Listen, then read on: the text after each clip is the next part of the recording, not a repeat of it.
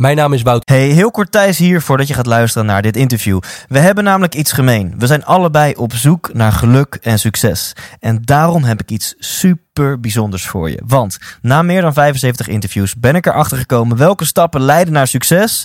Maar ook dat succes heel vaak niet leidt tot geluk. Wat is nu een methode om succesvol te worden en tegelijkertijd gelukkig te zijn?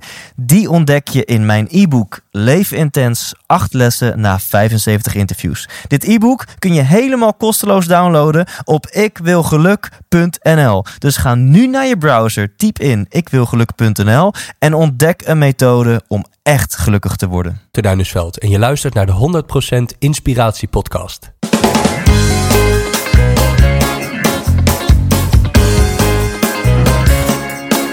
Hey, wat goed dat je luistert. Hij staat weer voor je klaar. Je wekelijkse dosis inspiratie is weer daar. Allerleukste gasten geven al hun kennis prijs. Met je veel te blije host, hij praat je bij. Zijn naam is Thijs. Thijs, Thijs, Thijs, Thijs, Thijs. 100% Thijs. Welkom bij aflevering Intens 73, waarin er een interview voor jou klaarstaat met Wouter Duinesveld. En voordat ik dit interview inging, wist ik nog niet zo heel erg veel van Wouter. Ik wist in elk geval wel dat hij een donorhart heeft. En dat hij een van de drie mensen op deze wereld is die met een donorhart een Ironman heeft gefinished. Ehm, en ik zat in mijn auto uh, uh, naar Wouter toe, dit interview voor te bereiden. Ik weet ook dat je met een, uh, een donorhart een beperkte levensverwachting hebt. En ja, ik moet heel eerlijk zeggen, ik zelf ben enorm bang voor de dood. Ik vind dat iets waar ik nog maar moeilijk mee om kan gaan. En ik, ik was me aan het, aan het inbeelden hoe dat voor hem zou zijn met een donorhart, wetende dat je een beperkte levensverwachting hebt. Um, en ineens kwam ook die eerste vraag in me op. Dat ik dacht, shit, mijn eerste vraag is altijd... wat wil je worden als je later groot bent? Durf ik die vraag straks wel te stellen? Ja, of ik dat heb gedaan, daar ga je zo meteen achter komen. Het mooie, eigenlijk het bijzondere en waardevolle aan dit interview vind ik...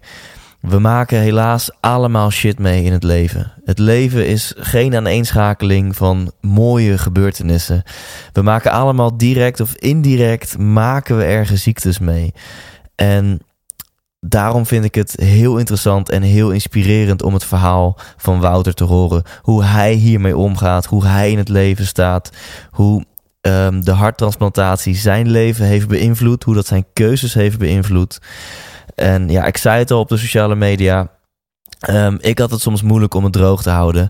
Ik vind het een, um, een magisch gesprek geworden. En ik ben heel benieuwd wat, wat jij ervan vindt en wat het met jou gaat doen.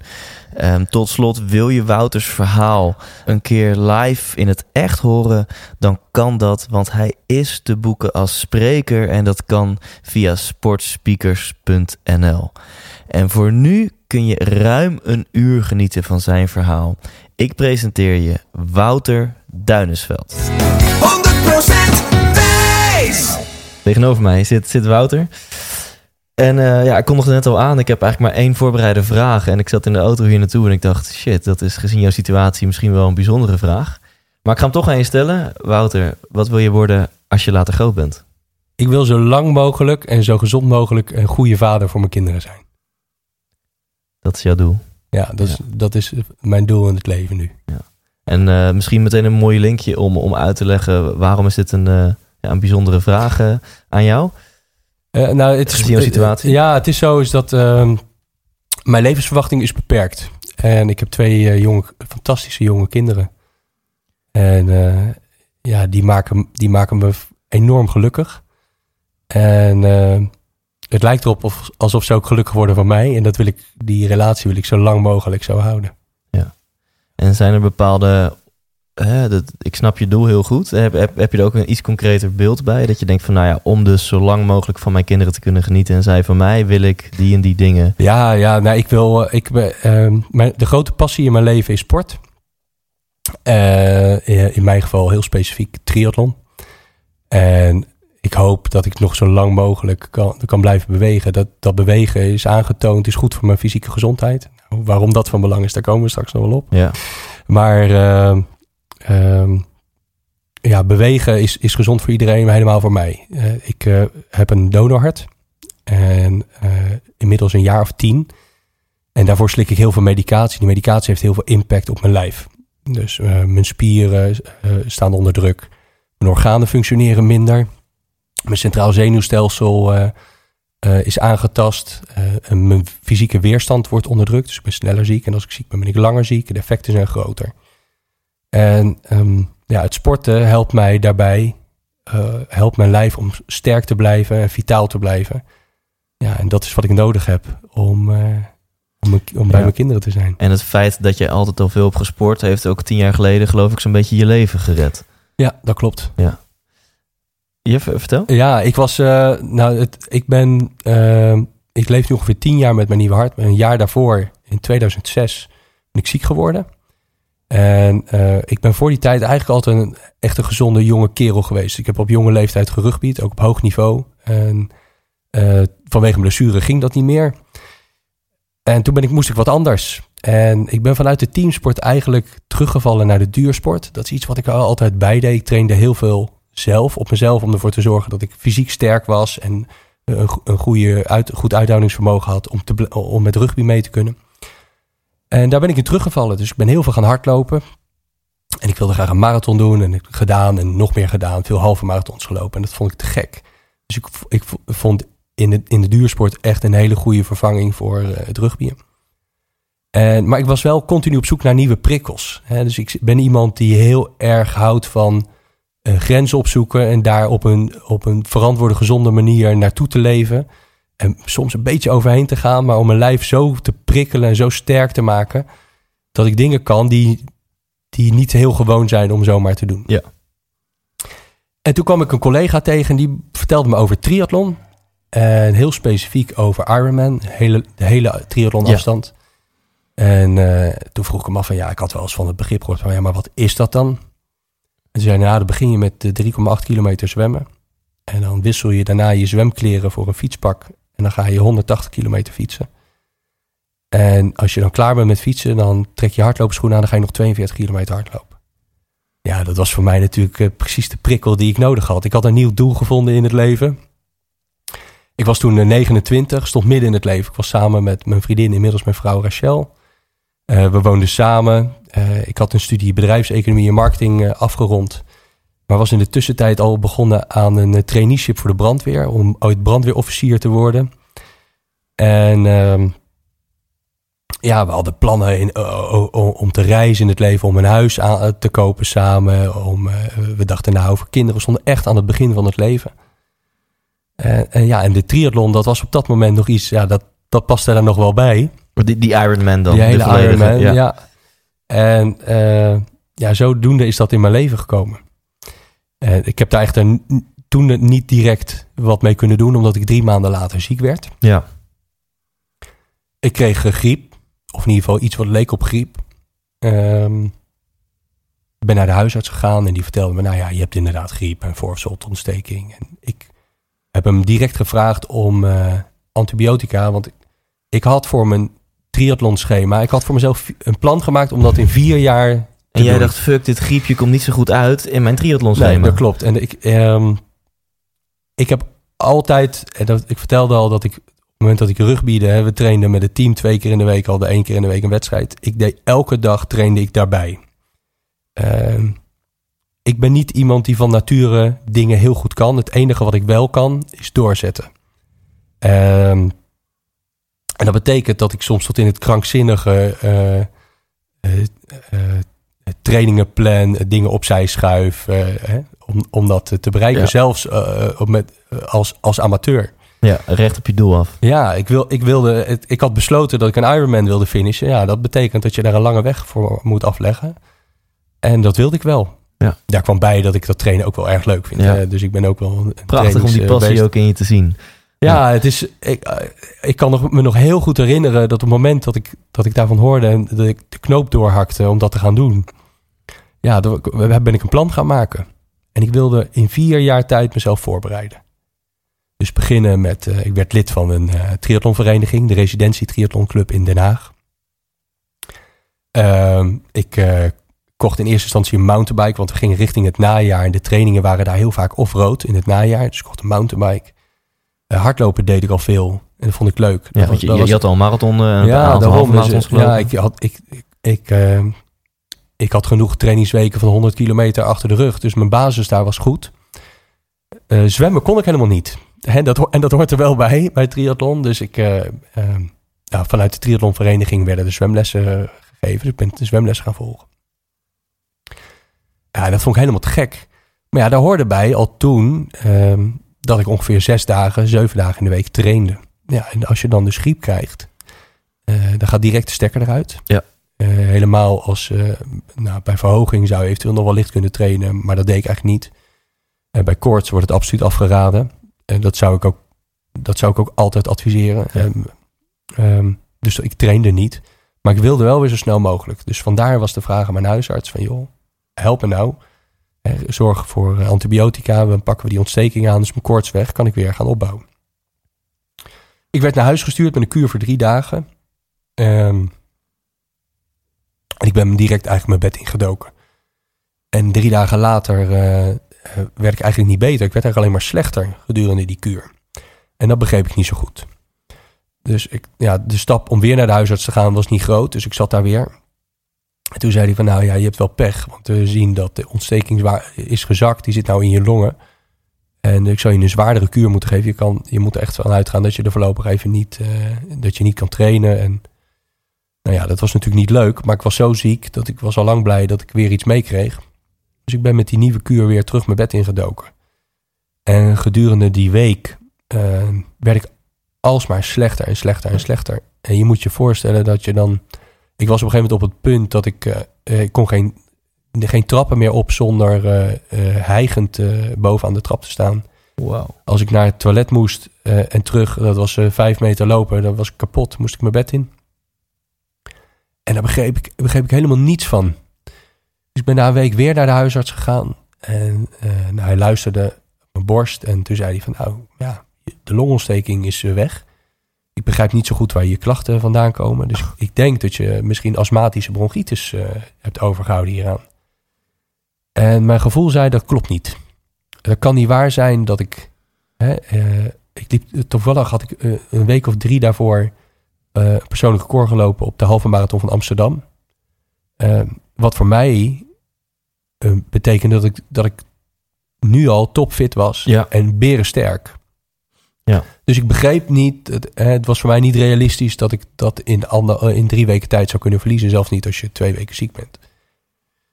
Ehm, dus toen zei hij, ja, van je kan van mij een puffer krijgen of ja, je kan naar de eerste hulp. Ik zeg, nou, stuur me maar door, want ik vertrouw het niet. Nou, ik kwam bij de eerste hulp terecht.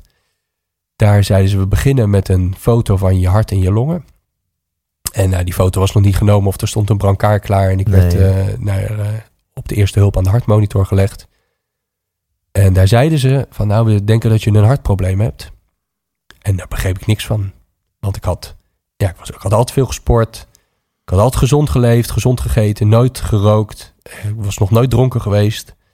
En, ik, en dan lig je daar eh, aan een hartmonitor. Eh, terwijl iemand je vertelt van, ja, maar je hebt een hartprobleem. Ik zei, dat geloof ik niet. Totdat ik op de hartmonitor zag, ik kreeg allerlei plakkers op, dat ik een rusthartslag had van ongeveer 135 slagen. En eh, toen begon ik me wel zorgen te maken. Toen dacht ik van ja, maar dit, is, hè, dit ben ik niet gewend. Ik had ter voorbereiding van mijn trainingen, meet ik reg- regelmatig ochtends mijn rusthartslag. En die was tussen de 35 en de 40. Zo, ja, dat- dan ben je echt topfit als dat je rust Ja, absoluut. Dus ik, eh, ik, ehm, eh, ik, ja, op dat moment dacht ik van er is echt, er is echt iets niet goed. Want het, dat kan niet waar zijn dat ik nu 100 slagen hoger Ja, eh, zit. ja. Ehm, vervolgens ben ik, ja, ik heb daar eigenlijk maar heel kort gelegen, eigenlijk direct naar de hartbewaking gebracht. En een week lang is alles uitvoerig getest. Ik heb alle mogelijke scans en eh, eh, onderzoeken. En je kan zo gek niet verzinnen of ik heb het gehad. En na een week eh, kwam de cardioloog op mijn kamer. Mijn ouders waren daar ook. En gedurende deze week was je nog steeds Ja, doodziek. kon niks. Ik Kon kon, niks, kon echt ja. helemaal niks. Ik kon niet meer uit bed. Kon helemaal niets. Ehm, ehm, ja, je, het, het is alsof alle energie uit je lijf is. En eh, dat, dat lijf wat, wat voor mij altijd, waar ik altijd zo goed voor had gezorgd, functioneerde helemaal niet meer. Uh, in de tussentijd kreeg ik nierproblemen. Uh, als, je, als je hart niet goed klopt, dan gaan andere organen ook minder functioneren. Nou, mijn nieren werden minder. Um, ja, ik had helemaal geen trek meer om te eten, maar ik was tegelijkertijd ook heel onrustig. Dus ik was heel moe en heel onrustig. Ik kon s'nachts bijna niet slapen. Ik bleek allerlei vocht in mijn systeem te hebben, achter mijn long onder andere, et cetera. Maar ik kreeg na een week de, de boodschap van de cardioloog um, uh, op de hartbewaking. Mijn ouders zaten daar. Uh, ik lag in een bed, al een hele week. En daar kwam een cardioloog met een assistent en die vertelde me van... nou Wout, we hebben echt heel slecht nieuws voor je. Dus wat we zien is dat je hart is geïnfecteerd geweest. Je hebt een virusinfectie opgelopen op je hart. Dat heeft geleid tot wat, dus wat ze noemen myocarditis, een ontsteking van je hartspier. En die heeft eigenlijk voor gezorgd dat binnen twee weken tijd je hartfunctie is teruggevallen tot minder dan 15%. Onze verwachting is niet dat dat ooit beter wordt. En de enige reden om je leven te redden is als je een nieuw hart krijgt. En daar lag ik. En dit was gewoon bij jou thuis? Nee, op de hart, hartbewaking ja. van het ziekenhuis. Ja. En op dat moment, ja, toen viel de grond onder mijn voeten vandaan. Begreep echt even niet zo goed. Weet je, van uh, ja, maar wat moet ik hier nou mee? Het was heel verdrietig.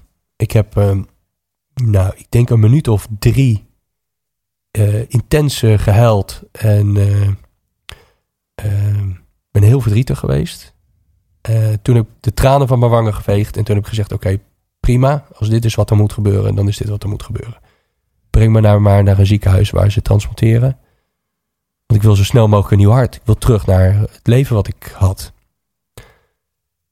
Um, ja, zo, zo is het eigenlijk ook gegaan. Ik ben een dag later naar het Erasmus Medisch Centrum gebracht in Rotterdam. Uh, dan kom je terecht op de harttransplantatie-unit. Uh, grote kamers voor mensen alleen. Mensen die allemaal heel erg ziek zijn. Um, mensen die allemaal uh, wachten op een hart, maar eigenlijk meer dood zijn dan levend. Ja, daar hoor je dan plotseling ook bij. En ik weet nog heel goed dat de zaalarts kwam met de cardioloog. En die zeiden van nou, we gaan even wat onderzoekjes doen. Uh, we hebben wel informatie gekregen van het ziekenhuis, maar even kijken hoe het met je gaat. En toen zei ik van ja, nee, ja, prima. Maar mijn vraag is, wanneer kom ik op de wachtlijst? Ik wil zo snel mogelijk ja. dat niet hart. En daar kreeg ik een antwoord op en dat was vrij helder. En ze zeiden van nou, zegt, um, dat kan nog wel heel lang duren, want we gaan eerst eens kijken naar je huidige staat. En dan gaan we onderzoeken of je lichaam en geest sterk genoeg zijn om die transplantatie te overleven. Um, en uh, in de tussentijd gaan we ervoor zorgen dat, je, dat we je, je, de kwaliteit van je leven iets verbeteren door je hartfunctie iets te verbeteren met medicatie, et cetera.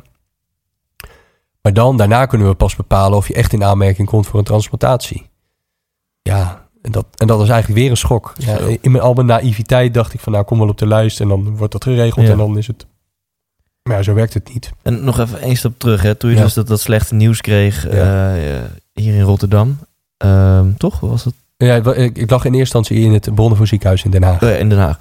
Ja. Um, je zegt ik heb drie minuten gehuild. Ja.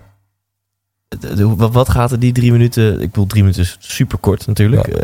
Wat gaat er door je heen als je dat nieuws ontvangt. Waar, waar, dacht je aan? Welke flitsen gingen door je hoofd? Ja, mijn hele leven ging flitsen door mijn hoofd. Alles, alles wat ik ooit had gedaan. Uh, uh, ook de laatste periode. Van, is het, heb, ik, heb ik iets niet goed gedaan waardoor ik hier nu lig? Dat is iets wat ik me heb afgevraagd. Dat, daar kom ik straks nog wel even op terug. Maar ik dacht, ja, maar heb ik zelf dan... Heb ik iets gedaan wat ik niet had moeten doen? Heb ik dit voor mezelf verpest? Het kan toch niet waar zijn? Ik heb altijd controle gehad over mijn lijf. En ook willen hebben. Um, met die controle kon ik ermee doen wat ik, wat ik wilde. En plotseling was dat weg. Ik, het, ik was overgeleefd aan de goden, letterlijk en figuurlijk. Ja, en dat, mijn, mijn leven flitste aan me voorbij. En tegelijkertijd denk je aan alle dingen die je nog wil doen. Dus uh, ik vertelde je al, ik stond midden in het leven. en waren volop bezig met allerlei plannen voor de toekomst. En denk je, ja, maar dat, maar dat gaat dus allemaal niet gebeuren. Je had plannen voor carrière, ja. huis kopen, gezinnetje, ja. Ironman. Ja, alles, alles was onzeker. De, ik, het was technisch zo, is dat de, het was nog maar de vraag of ik de volgende dag zou halen. Ja, dat is wel, dat is wel, dat is wel even, dat zijn wel Ja. even net wat anders in het leven. En ik moest dat voor mezelf was de enige manier om het, om het een plek te geven, is door het te accepteren en direct weer te streven naar de nieuwe situatie. dat, lukt dat in die drie minuten Ja. al? Drie minuten. Het was Ja, de, gewoon- de acceptatie niet, maar wel om de volgende stap te zetten. Gewoon verdriet door merg en been en Ja. meteen Door. door. Ja, door. Eh, hij is later nog wel teruggekomen. Dat kan ik me voorstellen. Eh, eh, maar ik kwam in een soort achtbaan terecht. De periode daarna. die was, dat ging alle kanten op. Dat je eigenlijk ook de tijd niet kreeg om je situatie te verwerken. Dus ik kwam in het ziekenhuis en ik dacht van nou prima, dat gebeurt wel even. Nou, dat gebeurde dus niet. Er werden wel heel veel onderzoeken gestart. En eh, eh, werd, eh, je- ja, voorbeeld je moet bijvoorbeeld... eh, je moet allerlei bloedtesten staan. Je moet naar longartsen te kijken de staat van je longen, et cetera. Je moet ook naar de kaakchirurg. Een risico na transplantatie is dat je infecties krijgt. En die infecties kan je lijf niet zo goed aan, omdat je weerstand laag is. En eh, wat ze dan doen, is dan controleren ze je volledige gebit. Als dat niet in orde is, trekken ze al je kiezen en tanden eruit. En dan krijg je dus een kunstgebit om ervoor te zorgen dat je veilig door je transplantatie heen kan. Ehm, nou, dit en nog, veel, nog ontelbaar veel meer dingen dus, dit- gebeuren er. Dus dit was de, die achtbaan die je waar het nu over hebt. Ja. Dat is het hele proces van Ja. überhaupt op de transplantatielijst Lijst te, mogen komen. Ja. Ja. En eh nou, dat een aantal weken, ik had, ik denk het grootste gedeelte van de onderzoeken wel gehad. Ehm, we, zitten, we zijn ongeveer een maand later. Dus dat werd allemaal wel heel vlot gedaan. Eh, ehm, en toen werd ik, ik kan me nog heel goed herinneren dat ik sprak s'avonds um, Rachel. En toen zei ik van, we belden elke avond voor het slapen gaan. Ze kwam meestal, ze kwam eigenlijk elke dag wel langs, maar soms niet. En we belden in ieder geval altijd s'avonds, joh, wel rusten en ik zie je morgen. En toen belde ze op, toen zei ze, ja, hoe voel je je vandaag? En eh, ik had een paar slechtere dagen gehad. En toen zei ik, nou, ik voel me eigenlijk wel ja, goed voor de situatie waar ik in zit. hè. Dus eh, ik, heb, ben moe, ik heb zin om te slapen en ik kijk uit naar morgen. En ik ben eh, goed in slaap gevallen. En die nacht eh, werd alles voor mijn hart gewoon te veel. Dus mijn hart stopte er gewoon mee. Een aantal keer. En eh, ik heb daar niet heel veel van meegekregen. Ik, ik ben in totaal vier keer gereanimeerd. Ehm, op verschillende momenten. Dus ik kreeg me telkens terug. En dan een half uur later zakte ik weer weg, et cetera. Eh, twee van die reanimaties kan ik me nog flitsen van eh, herinneren.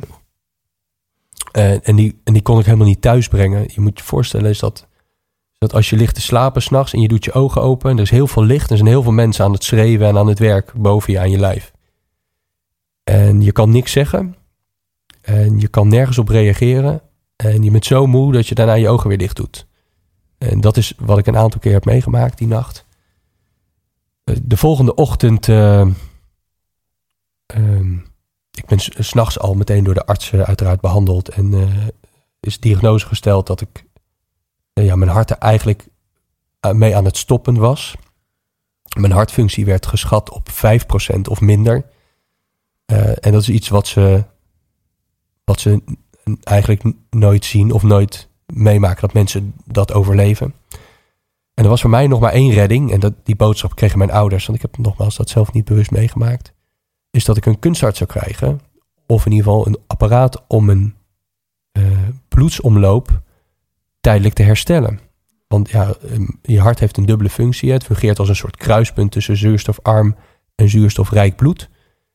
Eh, maar dat zuurstofrijke bloed, wat uit je longen komt, dat moet wel weer door je lichaam verspreid worden. Als dat niet gebeurt, eh, sterft de rest van je lijf af. Nou, dat laatste gebeurde bij mij niet meer. En eh, er werd geadviseerd om een inwendige pomp in te bouwen. En die zou die bloedstroom overnemen. Nou, dat is uiteindelijk ook gebeurd. Ehm, eh, voor mijn ouders en voor Rachel ook de verschrikkelijkste dag uit hun leven. Want ze zaten daarbij een aantal keer dat ik gereanimeerd moest worden. Vervolgens kregen ze de boodschap dat dat een oplossing was. Die dag was het heel slecht weer. En het ziekenhuis had eh, die apparaten niet voldoende op voorraad. Ze hadden er één, maar ze opereren niet met één apparaat. Ja. Ehm, er moet altijd een reserve zijn.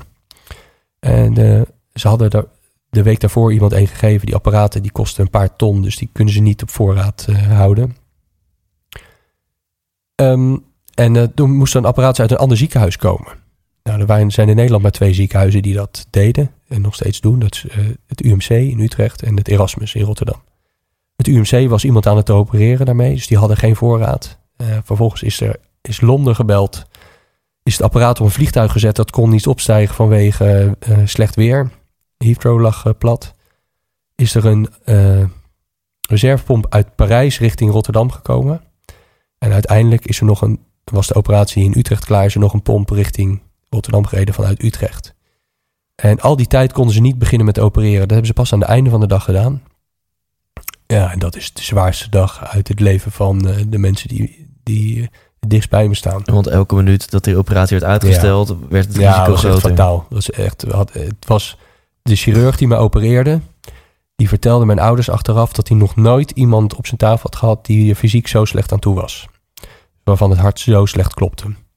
En eh, daarbij vertelde hij ook dat ik had babyroze longen. Mijn moeder is daar nog steeds trots op. Ik Mhm. eigenlijk ook wel. Ja. Ehm, en mijn, maar ik, het was ook die man die mij vertelde... is het feit dat je altijd goed voor je lijf gezorgd hebt... heeft ervoor gezorgd dat je die dag hebt overleefd.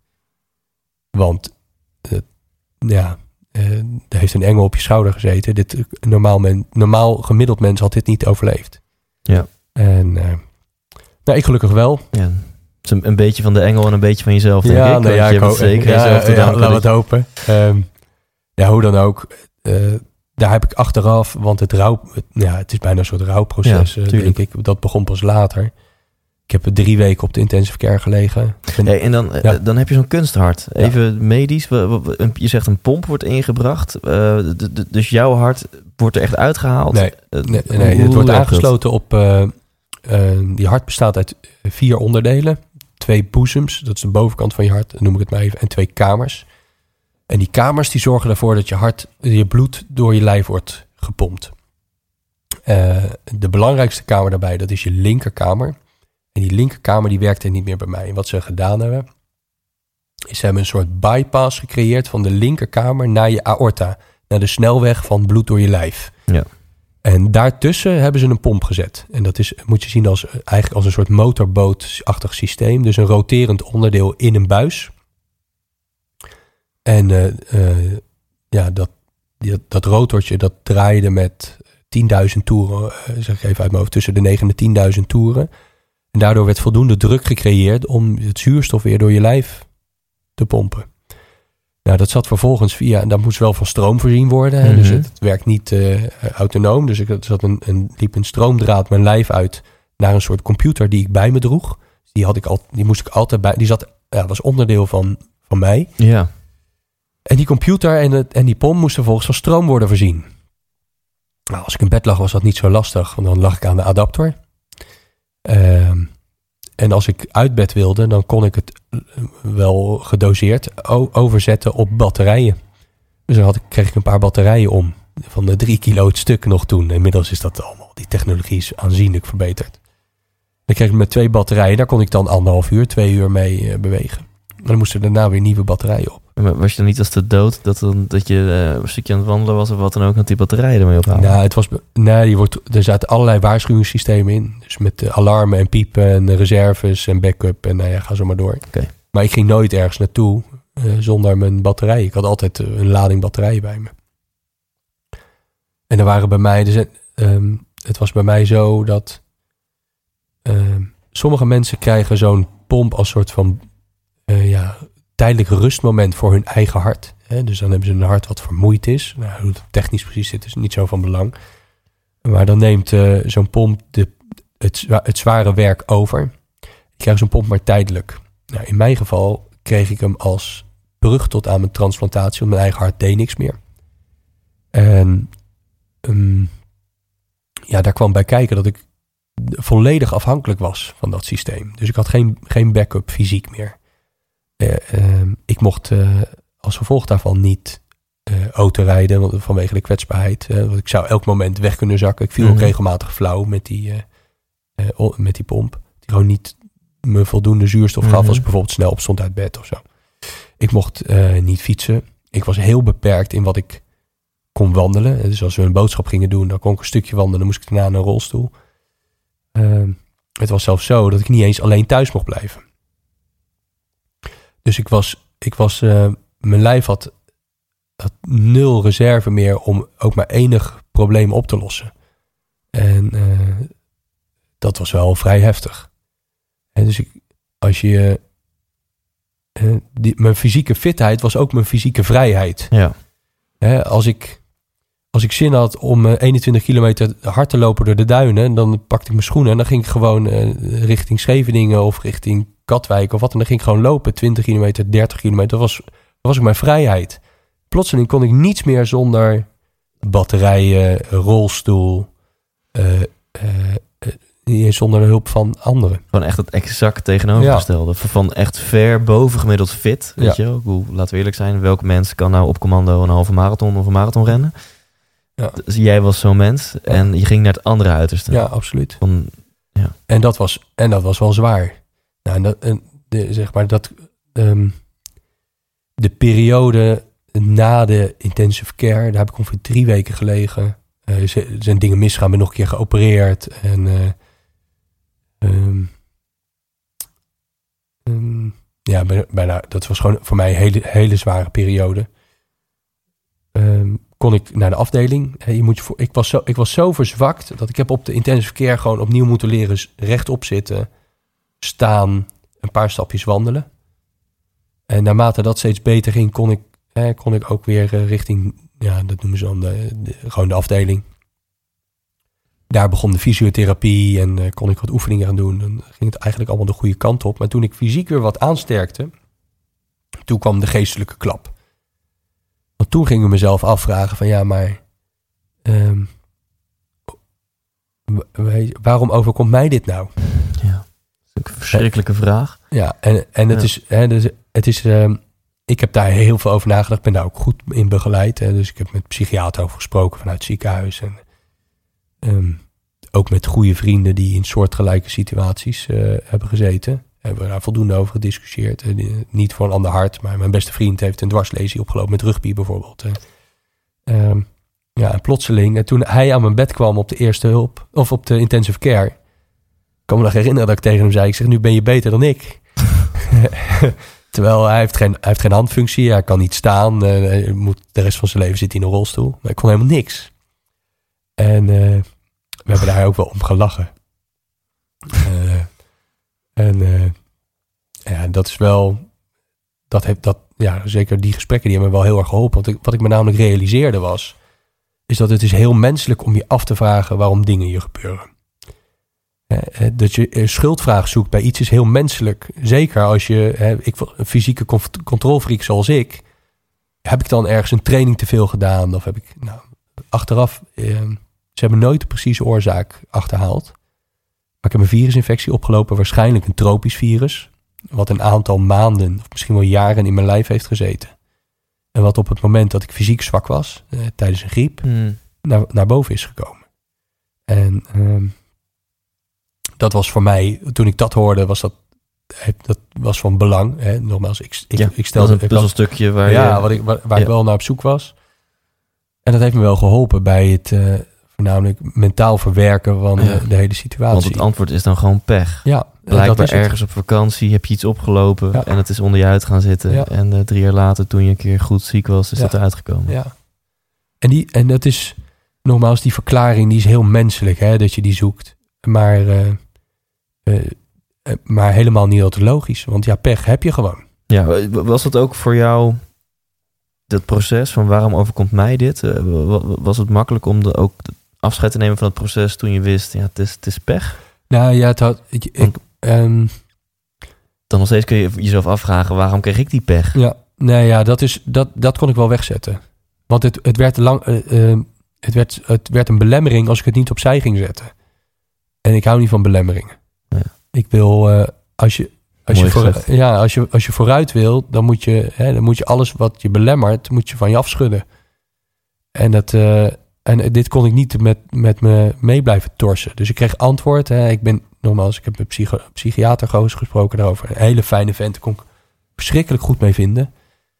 Ehm, hij heeft me de juiste dingen laten doen. Nee, ik vertelde hem bijvoorbeeld van ja, maar ik ben zo kwaad op de situatie die me, waar ik nu in zit. Toen zei hij ja, maar je vertelt het nu eigenlijk zoals ik nu met jou zit te praten. Hij zegt, dat geloof ik helemaal niet. Ik zeg, ja, maar ik zit in een ziekenhuis. Ik kan hier toch niet schreeuwen dat ik eh, tegen de dingen aan schoppen. Dat ik kwaad ben omdat dit overkomt wat me, wat me is overkomen. Ja, die waarom niet? En eh, dat resulteerde in, in een aantal verpleegkundigen op de, op de kamer om te kijken of alles goed ging. En, eh, ja, als die hele kamer kort en klein Ja, slaan. nou, ik heb weinig schade. Eh, Ja, ja. Ik had fysiek de kracht niet, Nee, maar, eh, eh, Je stembanden de deden het stembanden deden het uitstekend. Ja. Ehm, en dat, ja, dat zijn wel dingen die, me- die me daarbij geholpen hebben. Dus daardoor heb ik het wel een plek kunnen geven, gelukkig. Want ik moest, ik moest door. Ja, want je was, ehm, dit, was jouw wachtperiode Ja. op, een, eh, op een harttransplantatie. Ja. En Ja. hoe, lang heeft deze periode uiteindelijk ge- geduurd? Ik ben eh, opgenomen in december.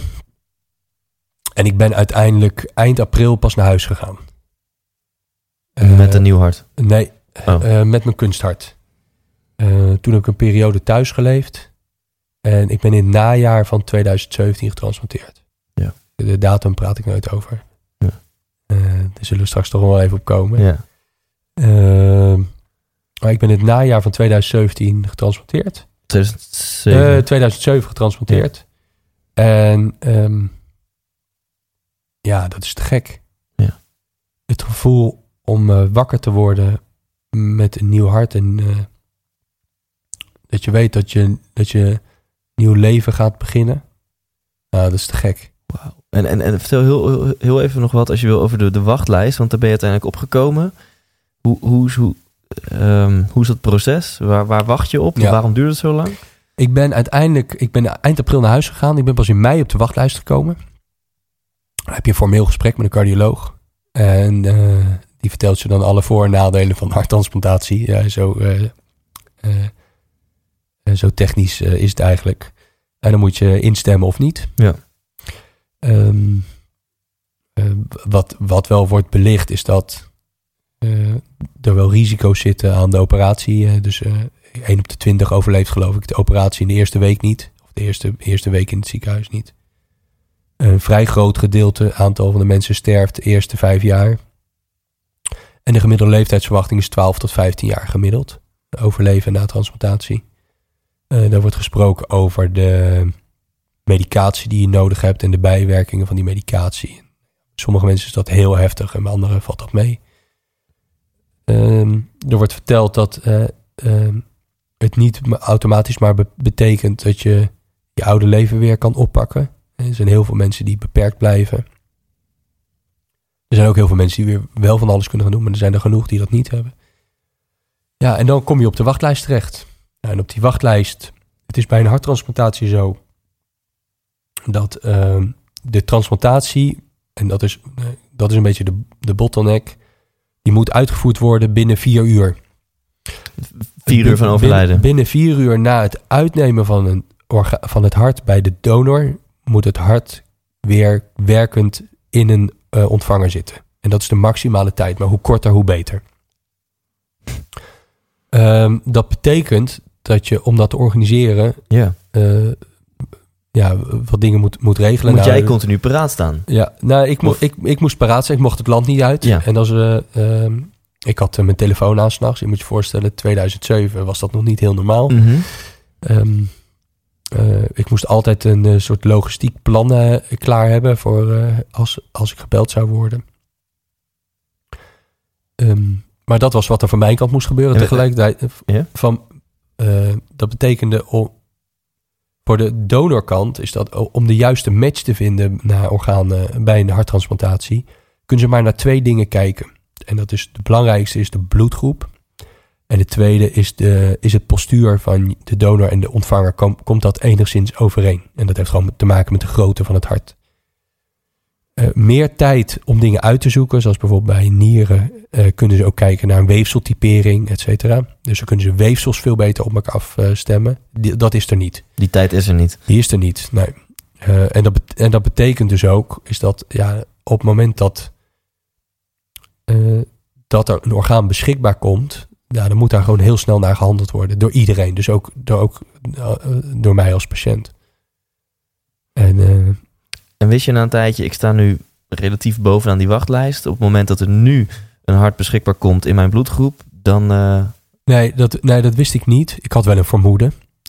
En dat komt omdat ik heel veel problemen heb gehad. Uiteindelijk ook met, eh, met, met dat kunsthart. Uh, heeft onder andere een infectie op mijn stroomdraad gezeten. Ja, uh, dat is vrij ingewikkeld verhaal. Maar in ieder geval, dat was behoorlijk levensbedreigend. Ik slikte enorme hoeveelheden antibiotica om dat te onderdrukken. Daarnaast had mijn eigen functie geen, hart geen backup meer. Dus ik, ik stond wel hoog op de lijst. Maar ik wist niet precies op welke positie. Nee uiteindelijk ben ik twee keer opgeroepen. De eerste keer ging de transplantatie niet door. Dat was behoorlijk heftig. Dus je moet je voorstellen, je wordt opgeroepen s'nachts. En uh, we hadden het zo geregeld, mijn vader zou ons opkomen halen. En je, um, dan moet je naar Rotterdam, in dit geval zo snel mogelijk. Uh, er wordt wel bij verteld, je mag niet de snelheidslimieten. Ja, maar dat lijkt me gewoon vluchtstrook. nee, ja, nee, dat was, allemaal, dat was ook allemaal niet nodig. Okay, okay. Ik, ik, werd s'nachts om half vier gebeld. De tweede keer trouwens ook. En heeft met andere dingen te maken. Maar in ieder geval. Ik, en ja, we hadden een soort belboom. Dus, terwijl ik aan de telefoon had, belde mijn vrouw, mijn vader. Die stond daarna binnen nood bij ons voor de deur. En ja, toen ik in het ziekenhuis kwam, was bijna de hele familie er al. ik was, denk ik, vier uur, kwart over vier in het ziekenhuis. Ja, en dan gaan er weer allerlei onderzoeken beginnen.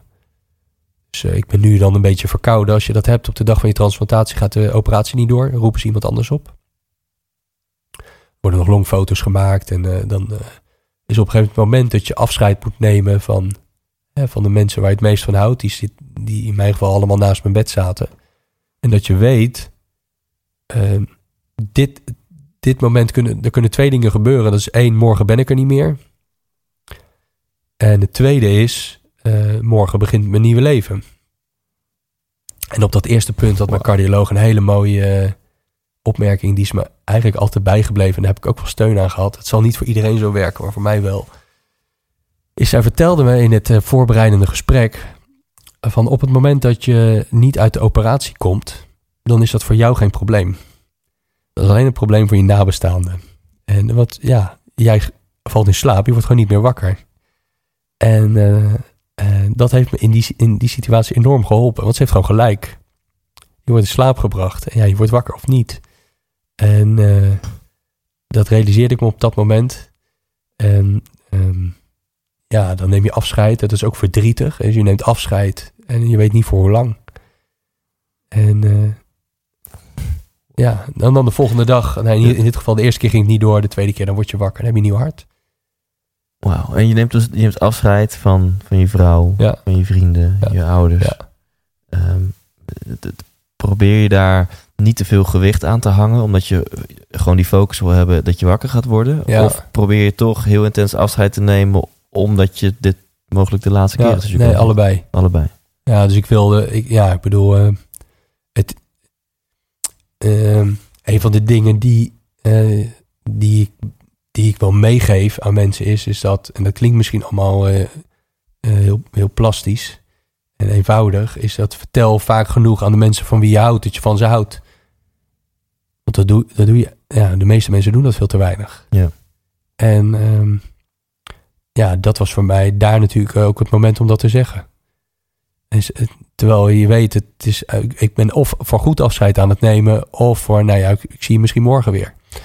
Dat is natuurlijk heel raar. En, um, maar dat was, dat was, ja, dat heeft me wel geholpen. Uiteindelijk, wat, ik wilde ik wilde maar één ding.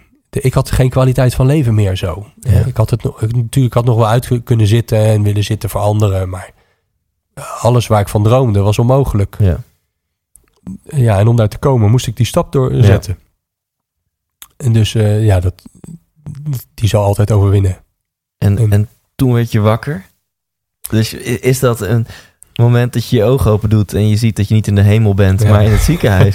ja. Weet je wel, is, realiseer je dan meteen van, fuck, het is gelukt? Ja, want ik, ik, had, ik had van tevoren, hè, ik, nogmaals, ik hou van plannen maken. Ja. Ik had van tevoren voor mezelf bedacht wat er gebeurt als ik uh, na transplantatie, als ik wakker word. Dan ga ik eerst voelen of mijn stroomdraad nog uit mijn buik komt. Dus ik had een stroomdraad die kwam uit mijn buik om naar, uh, van mijn kunsthart om naar de batterijen of de adapter te gaan. Want ik wist, als die er niet meer is, dan, dan ja, dat kan, dat kan alleen maar als er een nieuw hart zit. Ja. Dus ik, ah, wat, ik, ik, wat letterlijk gebeurde is dat ik, ik voelde uh, aan mijn buik, die draad was weg en ik kreeg een glimlach op mijn gezicht. daarna heb ik mijn ogen open gedaan. En eh, ja, dat is gewoon heel bizar. Dat is, he- dat is heel raar. Ik, ik, mensen vragen me wel vaker, ja, maar hoe is dat dan? En, eh, nou, ik, ik weet niet meer precies hoe het is om geboren te worden. Dat zullen nog maar weinig van ons weten. Maar ik denk dat dat wel zoiets is geweest. Alsof je weer voor het eerst licht ziet. Ja, het is heel bijzonder. En ehm, ja, ik bedoel, eh, daar, daar heb ik eh, van genoten. Niet zo heel lang, want dan begint, dan begint daarna het herstelproces weer. Hè? Dus eh komen de arts aan je bed, dan wordt er geluisterd, gevoeld en gekeken en gedaan. En dan moet je medicijnen. Je ligt op een intensive care en er staan allemaal apparaten om Ja. je heen. En, ehm, maar dat moment zal ik nooit meer Nee. vergeten. En eh, hoe, hoe lang duurt dat proces om het te revalideren voor, voordat je gewoon naar huis kon en weer zelfs misschien kon gaan sporten? Ja, ik heb even alles bij elkaar vijf weken in het ziekenhuis gelegen. Zo lang hoeft het niet te duren, maar ik heb een aantal keer afstoting gehad in het begin. Ehm, in eerste instantie, eh, je krijgt een nieuw hart, dan krijg je vervolgens medicatie om je complete weerstand af te breken. Want zonder weerstand kan je geen afstoting hebben, maar dan kunnen ze van daaruit met medicatie op zoek naar een nieuwe balans tussen hoeveelheid weerstand en geen afstoting, of minimaal geaccepteerde afstoting. En eh, nou, dan, dan nemen ze eh, biopten om dat te controleren. Dus je kan niet in iemands bloed zien of je afstoting hebt of niet. Dus dan moeten ze hapjes weefsel uit het hart nemen. En dat doen ze via, kunnen ze via je hals, gaan ze naar binnen, maken ze een sneetje, een, een happertje in ieder geval. En daarop kunnen ze zien of je afstoting hebt of niet. En eh, ik heb een aantal keer afstoting gehad in het begin. En dat vond ik allemaal heel spannend. En, eh, maar dezelfde cardioloog als die mij het vertelde over... ja, maar doodgaan voor jou is niet erg, hè, want eh, ja, je wordt gewoon niet meer wakker. Die vertelde me, ja, afstoting, dat hoort erbij. Maak je geen zorgen. we kunnen dat met medicatie precies... Ja.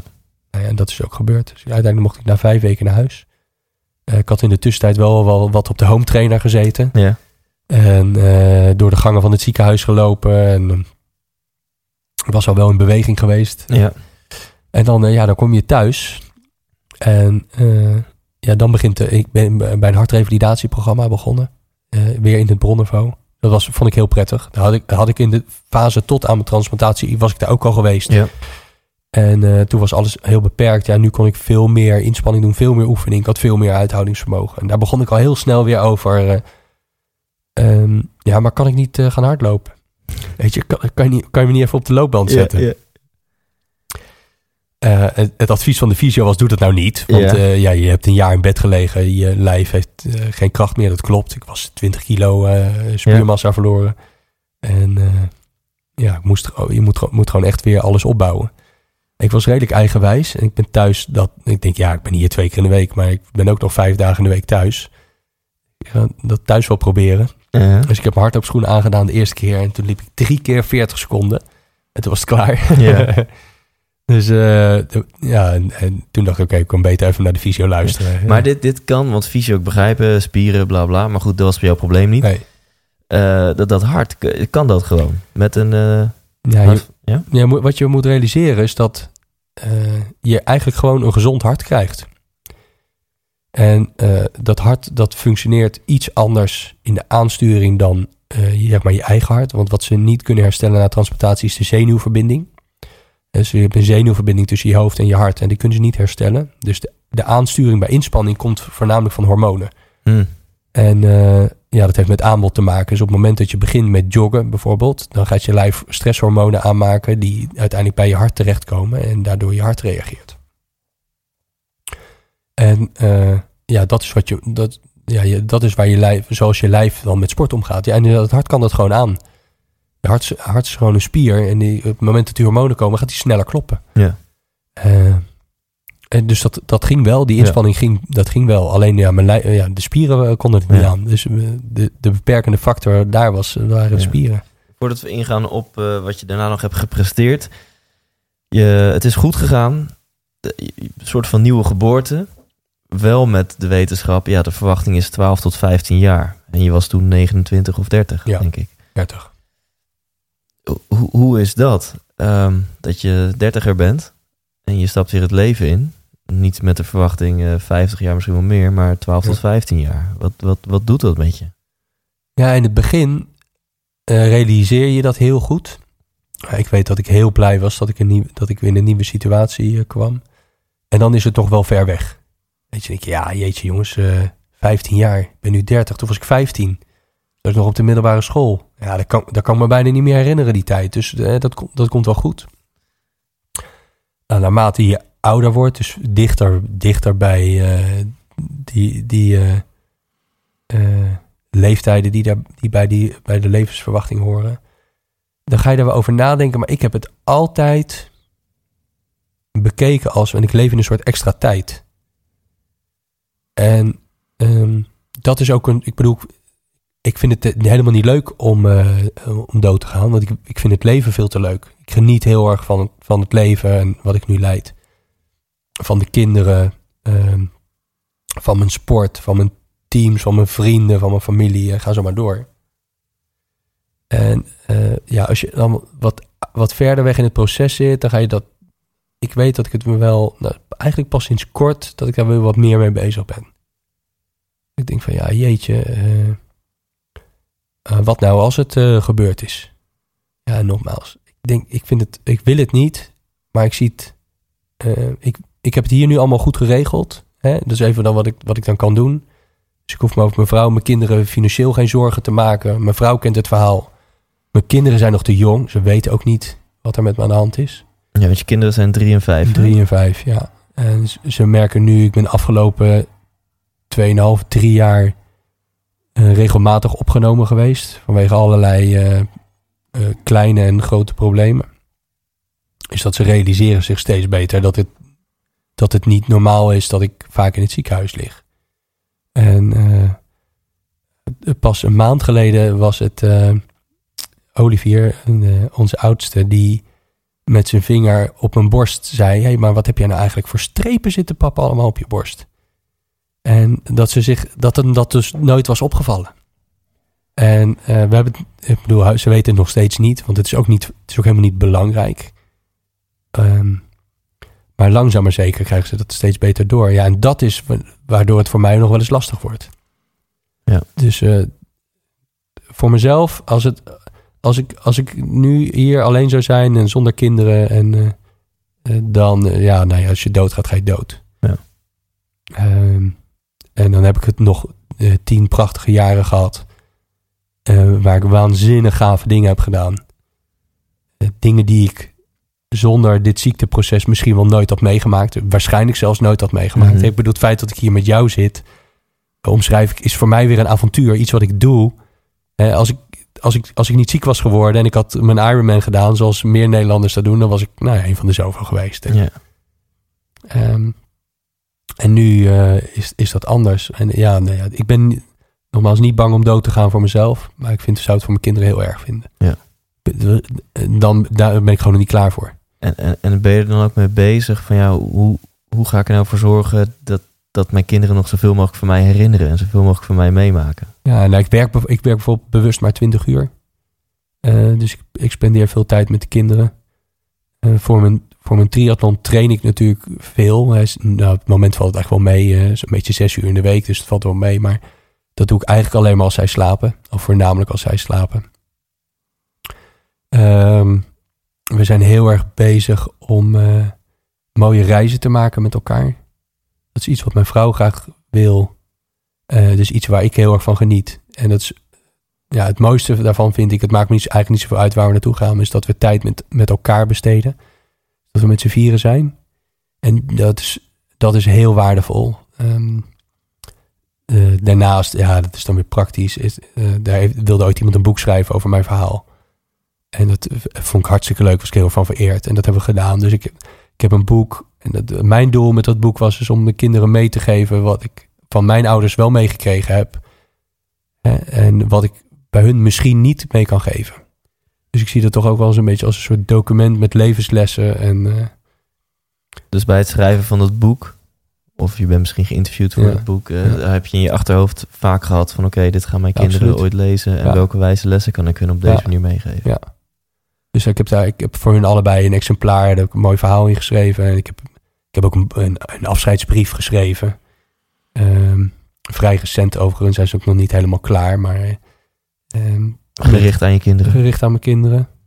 En, dat is, en op die manier probeer ik, hè, probeer ik dingetjes eh, te doen wat ik, wat ik kan doen. En ik, en ik wil gewoon zoveel mogelijk tijd met ze doorbrengen. En, en hoe komt het, denk je, dat je dit...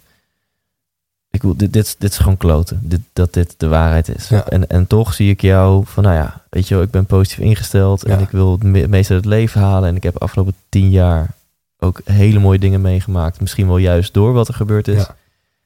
En ik vind het knap dat je dat kan. Kan je bij jezelf te raden gaan hoe, hoe het komt dat je zo positief bent? En, en je hebt ook alle reden om depressief te zijn, of weet je wel? Ik, eh, ik moet eerlijk bekennen dat ik wel momenten heb hoor, dat ik het lastig heb. Eh, maar ik wil, ik wil dat niet mijn gevoel laten eh, regeren, zeg maar. Ik heb, ik heb gemerkt, ik, ik ben van, laten we beginnen bij de basis. Ik ben van nature een, een positief iemand. Ehm, eh, ik heb gemerkt in mijn leven, al voordat ik ziek werd, maar helemaal daarna, is dat positiviteit krijgt dingen voor elkaar. Dus eh, eh, het feit dat ik van nature zo ben, wordt eigenlijk continu beloond op allerlei manieren. Dat klinkt misschien heel erg van eh, cognitief, en, eh, maar het, het, he- het heeft me heel erg geholpen. Daarnaast ehm, helpt het me om dingen in een ander perspectief te zien. Eh, ik heb afgelopen december een, een heel klein infarct gehad en ben geopereerd. En dat is verschrikkelijk waardeloos. Ja, dat, ja ik bedoel, een ander, een ander woord heb ik daar niet voor. Ik was in voorbereiding voor eh, de zwaarste mountainbike race van de wereld. Ik wilde de Cape Epic in Zuid-Afrika gaan rijden. Samen met een eh, Duitse vriend van mij, ook een harttransplantatiepatiënt. En eh, eh, het was heel symbolisch, want in Kaapstad is de eerste harttransplantatie ooit geweest. En dit jaar is dat 50 jaar geleden. Dus het was ja, een droom voor, voor ons allebei om daar de wedstrijd te doen. Ja, toen hoorde ik in december plotseling dat dat niet ging. Dat ik eh gedotterd moest worden en een mini-infarct had gehad. Ja, daar baalde ik verschrikkelijk van. Ja. Maar op het moment dat ik het zag vanuit het perspectief... ja, maar als ik, het, als ik dit me niet nu was overkomen... dan was het me overkomen in Zuid-Afrika... had ik het niet gered. Dan denk ik, ja, dat is eigenlijk alleen maar goed. En eh, eh, dat is in sommige gevallen misschien naïef... eh, maar dat helpt me gewoon. Als ik dat niet doe... ja, dan kan ik, hè, dan kan ik continu... er zijn continu beren op de weg. Ja. Ik vertelde ik heb afgelopen maandag weer een ingreep gehad. Als, ik, als, ik, als ik me daardoor... Dan kan, ik niet meer, dan kan ik niet meer leven. Dan kan ik niet meer zijn wie ik ben. Ja. En, ehm, en dat wil ik niet. Niet voor mezelf. Ja. En ook weer niet voor mijn kinderen. Om Ja. daar naartoe... En je zegt, ik ben van nature positief. Ja. En je hebt ook je depressieve momenten. Ja. En het lukt je om ja, toch zoveel mogelijk dingen van de positieve kant te zien. absoluut. Omdat dat ook ja, ja, bijna noodzaak is. Ja, dat is het ook. Ja. En, en, ehm, en het, helpt me, het helpt me gewoon letterlijk weer vooruit. Hè, het eerste voorbeeld wat ik je gaf is dat ik drie minuten eh, eh, van slag was na de boodschap dat ik een nieuw hart nodig had. Ik, ik, als, ik, als ik blijf hangen in het moment, dan sta ik stil. En, eh, daar- en daar word ik heel onrustig van. Ja. Dus dat, en dat, dat past niet bij me. En ja, in sommige gevallen is het geforceerd positief. Hè? Ik bedoel, daar begint het heel vaak. Maar uiteindelijk, als je dat maar vaak genoeg gelooft, dan, dan merk je dat het ook gewoon werkelijk zo Ja. is. Ja. Eh, dus je hebt, je hebt daar wel enigszins eh, controle op. Ja. Maar nogmaals, het wordt ook ondersteund door het feit dat ik gewoon wel zo in elkaar zit. Ja. En vond je, het een, ehm, vond je het een moeilijke keuze een aantal jaar geleden samen met je vrouw? Of jullie wel of niet ja, gingen kijken of het eh, jullie gegund was om kinderen te krijgen? Ja, was, was heel moeilijk. Ik vond het heel moeilijk. Want ik, ik, ehm, ik heb altijd kinderen gewild. Maar plotseling eh, besef je dat eh, in dit geval Olivier werd geboren ongeveer vijf jaar na mijn transplantatie. Is dat ehm, in een gunstige situatie ik hem niet ouder dan tien jaar zie worden. En dan moet je afvragen van ja, moet je dat dan doen? Eh, voor, voor, voor, voor een kind. Moet je kind de wetenschap geven dat zijn vader misschien maar tien jaar kent. En, ehm, eh, maar ook daar, wat daar van groot belang was, is dat mijn vrouw wilde het heel graag. Ze zei van ja, eh, stel nou dat je er maar nog maar tien jaar bent. Dan kunnen we toch tien fantastische jaren hebben. En ik wil graag kinderen met jou, omdat ik hou van jou, om wie jij bent. En eh, hoe mooi zou dat zijn als we dat kunnen bekronen met, Ja. een, met een kindje. En een beetje van jou ook door kunnen geven. En ja, op het moment dat, dat zij zei van ja, maar ik, ik wil het wel. En ik ben ook bereid om, hè, want op het moment dat ik er niet meer ben, moet zij het doen. Ik ben ook bereid om dat te doen. Ik wil dat heel graag. Ja, toen was het een vrij eenvoudige keus. Ja. En eh, eh, het vaderschap, ik, voor iedereen die vader is, die weet dat, eh, of ouder is, is dat het is, ik bedoel, het is, ik vind het voornamelijk leuk, maar het is ook wel eens niet leuk. Hè? Ehm, en moeilijk en zwaar, en, maar ik geniet er enorm van. Eh, het is, en die, eh, die kinderen brengen me zoveel eh, eh, liefde en blijdschap en ook relativeringsvermogen en ook de kracht om positief te zijn. En eh, dus het, eh, het, helpt, het Ja. helpt me ook heel erg. En ze hebben hun papa dan misschien, gaan ze hun papa misschien maar tien jaar in levende lijven meemaken. Maar, en dat vind ik dan, ze hebben wel een papa wat gewoon een mega, mega grote inspiratiebron voor ze is. Eh, wat, wat veel langer duurt dan tien jaar. Daar Ja, nou, voor de rest van hun ja. leven kunnen ze Ja. denk ik gewoon heel trots zijn op, eh, op hun papa. Ik hoop het. Ja. En ik, ho- ik hoop het. En ik. ehm, en nogmaals, ik probeer gewoon een, een fantastische vader te zijn. Ik ben ook streng. Hè. Ze mogen niet de hele dag koekjes en snoepjes eten. En, eh, maar eh, nee, ik probeer, ik probeer mijn kinderen met heel veel liefde en aandacht eh, op te voeden en daarvoor ze te zijn. Ja. En eh, ik denk dat dat het belangrijkste is eh, wat je kan doen. Dus, en dat kan ik nu nog geven. En dat kan ik ook geven als ik fysiek minder word. En eh, nou ja, eh, vandaag gaat het in ieder geval nog lukken. Of Ja. is het vanochtend al gelukt? En ik hoop morgen ook nog. Ik hoop nog heel lang. En misschien een beetje een gekke vraag, maar heb je vanuit jouw situatie misschien een, een, een tip voor... Ja, of een tip klinkt ook weer zo oppervlakkig. Ja, wat levenslessen of, of wat inzichten voor andere mensen die wel of geen kinderen hebben. Maar, maar vanuit jouw perspectief heb je ja, een boodschap aan, aan, aan, aan mensen. Ja, ik heb, wat, ik, wat ik mensen altijd eh, meegeef tijdens mijn eh, keynotes bijvoorbeeld, is dat. ehm, ja, voor mij is het belangrijkste in het leven is dat je keuzes maakt waardoor jezelf of de mensen waar je het meeste van houdt gelukkig worden. En ehm, ja, dat is een beslissing die ligt bij jezelf. Eh, Een, een, een heel simpel voorbeeld. Ik heb wel eens gesproken voor een groep mensen en daar was iemand en die was helemaal niet blij met het werk wat hij deed en zijn onzekerheid die erbij komt. En eh, dat was ook een hele vervelende situatie. Eh, en daarop was, hij vroeg me ook van, ja, maar wat vind je dan dat moet ik doen? Ik zei, nou ja, als je niet gelukkig bent, dan moet je iets gaan doen wat je wel, waar je wel gelukkig van wordt. En dat is natuurlijk best wel confronterend, hè, want het, het is ook niet altijd heel makkelijk, maar ehm, het is wel een uitgangspunt wat je helpt, wat je helpt in het leven. Want uiteindelijk, het is allemaal leuk, hè, werk is leuk, en geld is leuk en eh, mooi huis is, is, is allemaal leuk en het is handig en het stelt je dingen in staat. Maar als je 80 uur moet werken om een prachtig huis te wonen, een dikke auto te rijden, maar helemaal niet gelukkig bent, je kinderen niet ziet, eh, eh, je, de vrouw eh, waar, waarvan je ooit gehouden hebt en misschien nog steeds wel van houdt, niet meer de aandacht kan geven die je wil, niet kan genieten van reizen omdat je altijd aan het noem maar even wat. Ja, dan ben je gewoon denk ik op de verkeerde weg. Maar nogmaals, dat, zijn, dat zijn keuzes die je zelf moet maken. Als je daar wel gelukkig van wordt, ja, wie ben ik dan om daar wat van te vinden? Ja. Dus maak de keuzes waar, waar je zelf, maar ook de mensen waar je het meest van houdt, gelukkig van worden.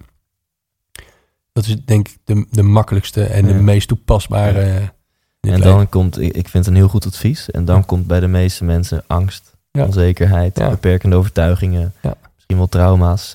Waarom ze dus toch niet die keuze durven te maken. Heb je daar ook een. eh, een Ja, nee, dat, is, dat, dat komt dan misschien meer uit mezelf, maar probeer dingen positief te benaderen.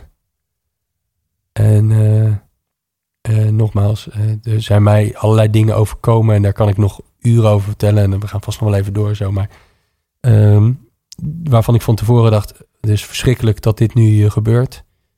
En dit had ik liever niet zo willen hebben. Ehm, maar die mijn leven uiteindelijk weer allerlei nieuwe kansen en mogelijkheden hebben gegeven. Ja.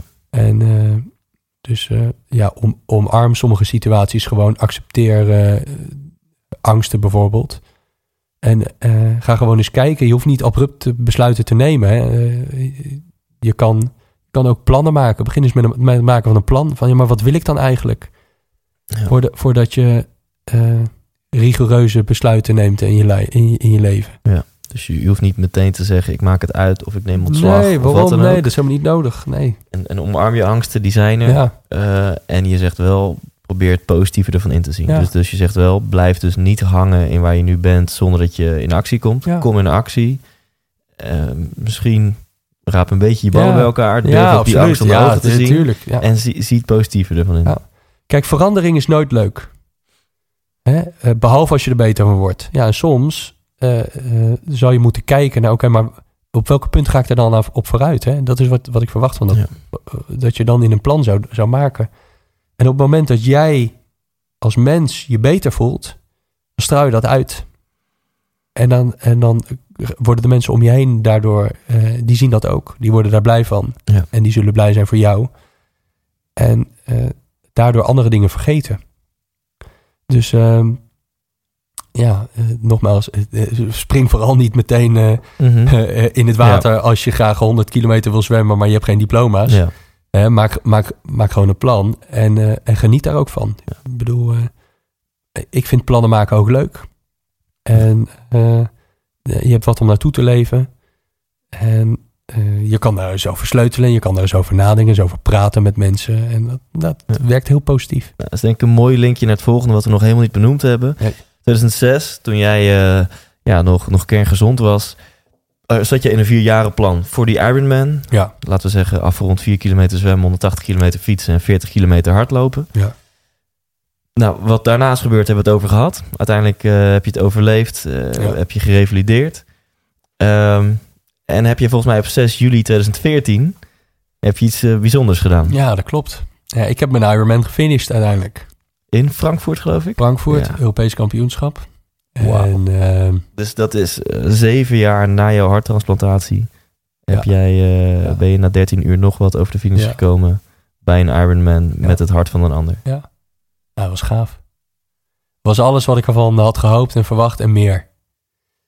En ehm, de weg tot aan die dag en dat moment was zo verschrikkelijk lang. En niet alleen op de dag zelf, ik ben 13 uur onderweg. Ehm, eh, maar het, weet je, het komen van weer moeten leren staan, eh, lopen, het, eh, geen vertrouwen hebben in dat het ook nog komt, tot ehm, het weer beginnen eh, met dromen over triathlon. Ehm, tot aan die, dag, ja, het is een waanzinnige, waanzinnige weg geweest. En ehm, dat begon voor mij allemaal weer twee jaar zo'n beetje na de transplantatie. Mijn vrouw en ik,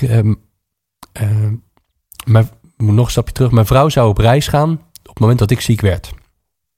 Ze zou de studie afronden en dan wilde ze een paar maanden lekker naar Azië en eh, lekker rondreizen en genieten nog van het leven voordat het werkende leven zou gaan beginnen. En eh, dat heeft ze toen niet gedaan omdat ik ziek werd. En toen heb ik haar beloofd van, nou ja, luister, als het ooit kan en ik mag weer, dan gaan we samen. Nou, de eerste twee jaar na transplantatie mag je niet buiten Europa op vakantie. Maar eh, op het moment dat ik door de keuring was, zijn we richting in eerste instantie Australië gevlogen. Australië, Nieuw-Zeeland en Indonesië zijn we uiteindelijk geweest. En wat er gebeurde tijdens die reis is dat ik me realiseerde dat ik fysiek beter was dan dat ik dacht dat ik was. Eh, om heel precies te zijn gebeurde dat in Nelson, Nieuw-Zeeland. En daar deden we een, eh, een hike van een hele dag met een groep eh, Engelse vrienden die we hadden ontmoet. En dat waren allemaal jongens en meiden die wisten niet wat ik had. En dat was voor mij heel prettig, want in Nederland werd ik altijd geremd door de mensen om me heen. Ik dacht Oh ja. allemaal van ja, maar eh, Ja.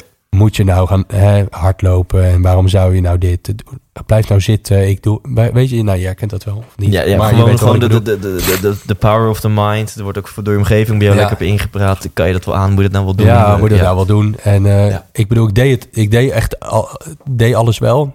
Maar ik had, wat ik miste was een, eh, eh, ja, een soort voorbeeld en over, dat, over wat er wel kon. Ja. Nou, en eh, wat er gebeurde daar is dat ik, we liepen een hele dag en dan de rugzak op en het was warm en omhoog en omlaag. En ik, ik bleek eigenlijk zo'n beetje de fitste te zijn van iedereen die daar was. En eh, dat deed me wel goed. Dat deed Ja. me zo goed dat ik die avond tegen mijn vrouw zei van... joh, zou ik je wat zeggen? ik ga weer een triathlon doen volgend jaar. Ik ga beginnen met de kortste afstand, maar ik ga het doen. En zij zag erbij al hangen natuurlijk. Mhm. Ze vond het fantastisch aan de ene kant. Maar aan de andere kant, ik oh jee, daar begint hij weer. Eh, maar zo is het gegaan. Ik kwam terug in Nederland. Ik ben begonnen met eh, trainingen. Eh, ik had me ingeschreven voor een wedstrijd hi- hi- hier in de buurt. Eh, ik, nou ja, we zitten nu in Den Haag en hier in Leidsen, in Leidschendam is een wedstrijdje. bij Vlietland. Heel, heel leuk klein triathlonnetje. En daar moest het dan de eerste keer gebeuren. Nou, dan werd ik een week daarvoor verkouden. En dat was voor mij reden om het af te blazen. Nou, later dat jaar is het wel gebeurd. En uh, bij de politiespijker, het is politietriathlon in Spijkenisse. hele leuke wedstrijd trouwens. Ik kan iedereen adviseren die dat, die uh, leuke triathlon zoekt. En dat was daar wel, en dat was echt gek. Ik deed samen met mijn neef. En uh, hij was fit, veel fitter en sterker dan ik. Maar hij bleef toch een beetje in de buurt. Hè. Mm. En uh, uiteindelijk kwamen we als één na laatste over de finish. Na een uur en 55 minuten geloof ik. Over 750 zwemmen, 20 fietsen en dan 5 kilometer lopen. Ja. En um, dat was voor mij eigenlijk pas de eerste keer dat ik een triathlon finishte. Dus ik had het idee wel, maar ik had nog nooit een wedstrijd gedaan. En ik vond het waanzinnig. Dus ik, ik, had, ik had enorm genoten van de, van de, de hele duur van dat uh, wedstrijdje. Ja. En uh, nou, ik was, ik was eigenlijk gewoon verkocht aan de sport. En uh, stonden er ook veel mensen bij de finish die wisten wie ja, je was? Ja, nou, nee, dus, toen ik aankwam was het niet meer zo druk. Dus mijn ouders waren daar, mijn schoonouders. okay, en. Maar en verder eigenlijk, verder eigenlijk niemand. Nee, want ik had, ik had helemaal geen aandacht gegeven. Nee, aan het precies. Je had geen persberichtje verstuurd of nee, zo. Niet nee. dat daar hoorders fans stonden om jou te zien finishen. Nee, ik was daar helemaal nog niet uh, mee nee. bezig. En uh, ja, op dat moment was ik ver, verslaafd. Of nou ja, verslaafd. Verkocht in ieder geval de sport. Besloot me direct ingeschreven voor wedstrijden dit jaar daarop. Deed een half jaar later zo'nzelfde wedstrijdje in... Uh, waar was dat ook weer? Nou, ik weet even niet meer uit mijn hoofd. Maar dezelfde afstanden. Toen was ik een half uur sneller. Um, ik had inmiddels een andere fiets gekocht en een ander zwempak. En uh, ik werd steeds, steeds fanatieker, ging anders trainen. Ik wist wel wat van trainingsleer, fysiologie mm -hmm. af. Wel mijn interesse gehad. Maakte mijn eigen schema's en ik zocht dus wat online. En uh, ja, dat ging allemaal prima. Het ging steeds sneller en verder. En uh, op een gegeven moment kwam ik op het punt, ongeveer een jaar later denk ik, dat ik dacht, ja maar als ik nu doe wat ik nu doe, waarom kan ik dan niet een halve triathlon uh, gaan proberen? En uh, ja, die, die, dat besluit was eigenlijk heel snel genomen. Maar ik had, ik, ik, daar kwamen andere problemen bij. En dat was namelijk... Um, ja, die voorbereidingen, de trainingen daarvan, dat kan ik niet meer alleen. Ik zou eigenlijk toch nog een, stap moeten maken met de materialen die ik uh, gebruik. Ik zal hulp nodig moeten hebben met voedingsplannen, vochtplannen nou ja, trainingsschema's, et cetera, ga maar door. En toen kwam ik via via terecht um, bij Guido Vroemen, een sportarts uit Amersfoort. En uh, hij was toen bondscoach van de Nederlandse lange afstand triathlonselectie. Hij was aangesloten als uh, teamarts bij het eerste professionele triathlon-team van Nederland, Team for Talent.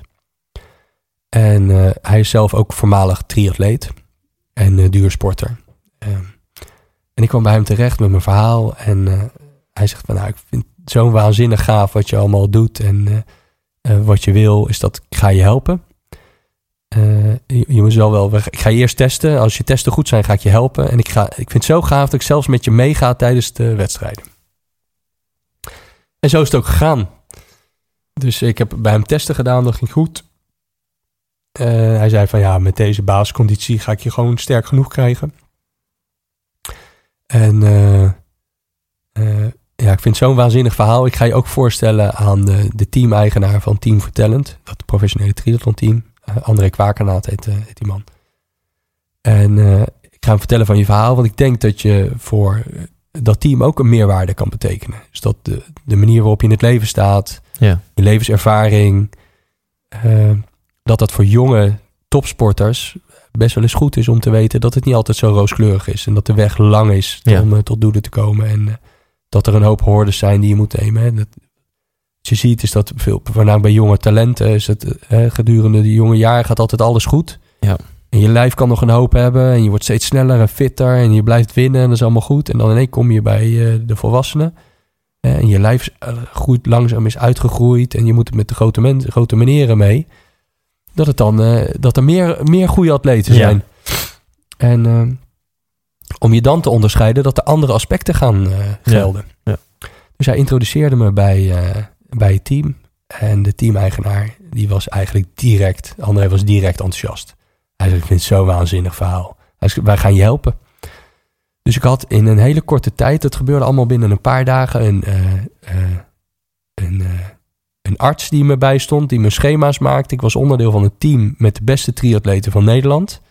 Want het waren allemaal Nederlands kampioenen op verschillende afstanden. En Mhm. ehm, plotseling eh, eh, eh, waren al mijn materialen georganiseerd. We hadden sponsors voor allerlei spullen. En er kwamen nieuwe fietsen. En, en ik kreeg allerlei aandacht. Want het team wilde daar natuurlijk ook wat mee Ja, doen. En ik had ja. in de tussentijd zelf... er was al een start gemaakt om een documentaire te maken over mijn verhaal. Eh, via Omroep West, de lokale omroep. Ik werd steeds vaker gevonden door de landelijke, maar ook de lokale eh, eh, schrijvende pers, internet, nieuwsbladen, et cetera. Dus mijn verhaal kreeg steeds meer bekendheid. We waren begonnen aan het, aan het schrijven van mijn boek. dat liep. Ehm, en die aandacht, die, dat bracht ook weer allerlei nieuwe avonturen op mijn pad. Dus ik werd ambassadeur van de Hartstichting. Ik werd ambassadeur van de, eh, de Donorstichting. Ehm, heb voor hun allerlei hele leuke dingen gedaan. Dus ik heb vrij veel televisieoptredens gedaan. Maar ook een commercial bijvoorbeeld gemaakt voor de Donorweek 2014. Mhm. En eh, dat was een waanz- waanzinnig leuk.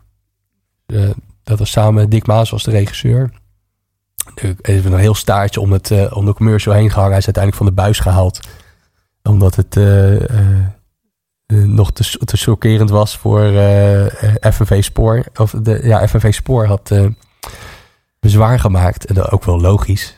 Die waren bezig met een campagne om ervoor te zorgen dat mensen niet onder dalende slagbomen langsliepen voor treinen. Ja. En een van de dingen die ik in die commercial doe, is onder een zakkende slagboom doorlopen.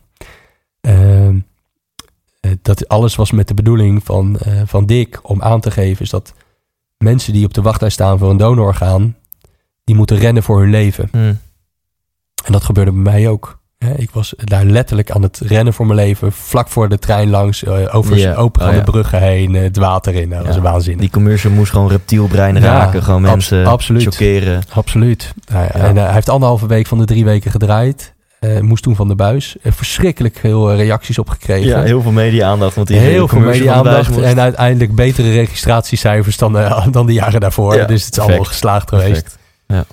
Ehm, ja, dat, maar dat was waanzinnig. Dus er gebeurden allemaal hele leuke dingen. Ja, dus je kwam ineens in een omgeving hè, waarbij je zegt in Nederland soms zeiden mensen tegen jou, moet je het nou wel doen? Ja. Dan kun je dat wel. Ja, En nu ineens zat jij te midden van de, de beste Ja. atleten van Nederland. ja, En je had sponsorships en je had materiaal en een arts en een coach. Dus je, je was gewoon in een omgeving waarin jij kon excelleren en waarin jij kon kijken of het, of het werkelijk mogelijk was. precies.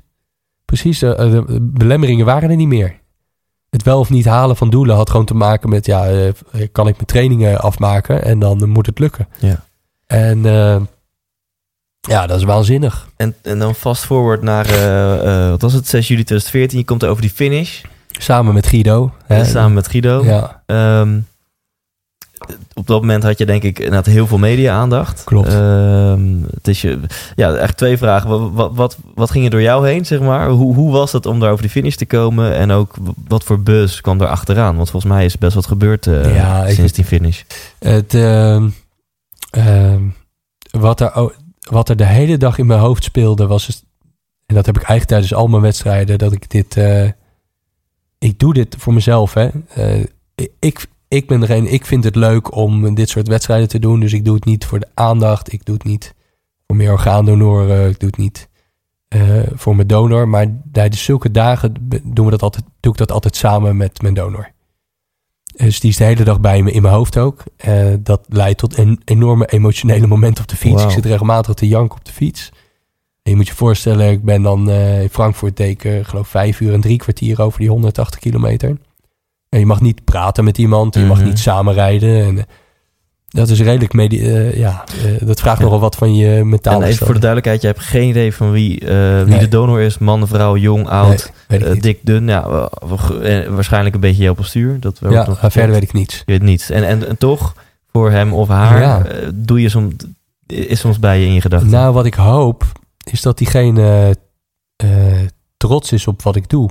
Dus ik ben niet iemand die gelovig is. Hè, dus ik geloof, ik ben niet bezig met een hemel of een hel. Het, ik vind het ook niet zo belangrijk, want ik probeer nu te leven en ik probeer er het beste van te maken. En nou ja, als het wel zo is, nou ja, prima.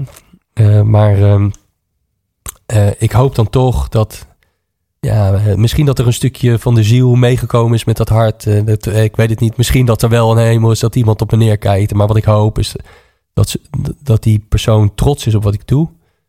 En eh, ik heb gezworen om goed voor eh, in eerste instantie ons hart, eh, zo noemde ik het ook, ons hart te zorgen. En ja, op zo'n dag ik bedoel, als je, als je één orgaan nodig hebt, dan is het je hart tijdens een triathlon. En dat, dat heb ik meegedragen tot over de finish. Nou, als ik jou nu even een tussenvraag hoor, maar als ik je nu een envelop zou zeggen, daarin zit de gegevens en foto en alles van, van hè, eigenaar van het hart, Ja. de niveau eh, vorige eigenaar van de Ja. donor, zou je die envelop openen? Nee, doe niet. Nee, wat, wat ik inmiddels ehm, merk ik, is dat eh, eh, onder andere de aandacht die, die ik gekregen heb na het finishen van die wedstrijd. Ik was de derde persoon in de wereld die dat met een donorhart deed. Inmiddels zijn het er vijf, dus het is nog maar een beperkt clubje. Ehm, is dat ik kwam over de finish en ik gaf Frido een knuffel. Ik kreeg een, eh, eh, mijn medaille op. Ik zag mijn vrouw en de team-eigenaar en zijn vrouw. We hebben met z'n vijf gewoon even, even een heel intiem moment gehad. En bij die gedachte heeft, heeft continu, de hele dag heeft mijn donor in mijn hoofd gezeten. En eh, de aandacht die ik kreeg na afloop, hè, dus de commercial was daarna, het boek is daarna vrijgegeven, et cetera. Is wat ik merk, is dat ik doe dit, hè, de aandacht die ik vraag, doe ik niet alleen. eh, ik probeer er niet alleen mijn eigen donor mee te eren. Ik probeer eigenlijk alle donoren te eren. En, eh, en daarom hoeft er voor mij ook geen gezicht op degene die, van wie ik dit hart gekregen heb. Eh, die heeft het ook niet gegeven aan mij. Die heeft het ook gegeven aan iemand. Om iemand anders een nieuw leven te geven. eh, nieuw geluk te gunnen. En dat is wat ik andersom ook niet wil. Ik zet, al- als ik praat over orgaandonatie, dan eer probeer ik alle donoren te eren. Iedereen die eh, eh, bereid is geweest om op het moment dat ze- hij of haar niet meer zijn, zijn of haar organen nodig heeft, iemand anders daar een leven mee te geven. En dat vind ik het dat is het mooiste cadeau wat je kan geven. En absoluut het mooiste wat je kan krijgen. Ik bedoel, eh, ehm, ik, heb, ik heb gewoon een nieuw leven gekregen. Ja. En dat realiseer ik me elke dag. En daar ben ik heel blij mee. En daar, daar hoef ik geen gezicht voor, eh, Ja. te, voor te, te kennen. Ehm, dus eh, nee, dat is Misschien goed. Een mooi linkje denk ik naar het einde van dit gesprek. Ja. Is er nog iets wat jij wil zeggen? Eh, een boodschap die je mensen mee wil geven? Ehm, ja, ehm, weet je, het leven is mooi. En, en leef, droom en geniet zoveel als dat je kan. Voordat je het weet is het voorbij. Als je pech hebt net als ik en het gaat verkeerd. Je hebt echt pech. Dan is het voorbij. Ja. En eh, tot die tijd moet je er het best van maken. En ik- kan jij soms ook een beetje gefrustreerd, gefrustreerd zijn als je ziet dat sommige mensen hun leven weg lijken te gooien? Of Ja. een beetje klagen dat je denkt, fuck man, weet je wel, Ja. eh, ik wou dat ik, dat ik jouw levensverwachting had. En eh, jij gooit het weg. Ja, heb ik wel, heb ik wel gehad. Maar dat doe ik niet meer. Oké. En wat zie ik elke dag. En ja, het is, het, is verder, het is verder ook niet voor mij om daar iets Snap ik. Verstandig van je. vinden. Maar ik heb daar in het begin wel moeite mee gehad. Dat ik dacht van ja, maar luister, ik heb er goed voor gezorgd. Mij overkomt dit. Eh, jij eet eh, eh, twee frikandellen en drinkt twintig bier op een avond. En je rookt een pakje sigaretten en, en jij kan gewoon 85 worden. Ja. Heeft geen zin.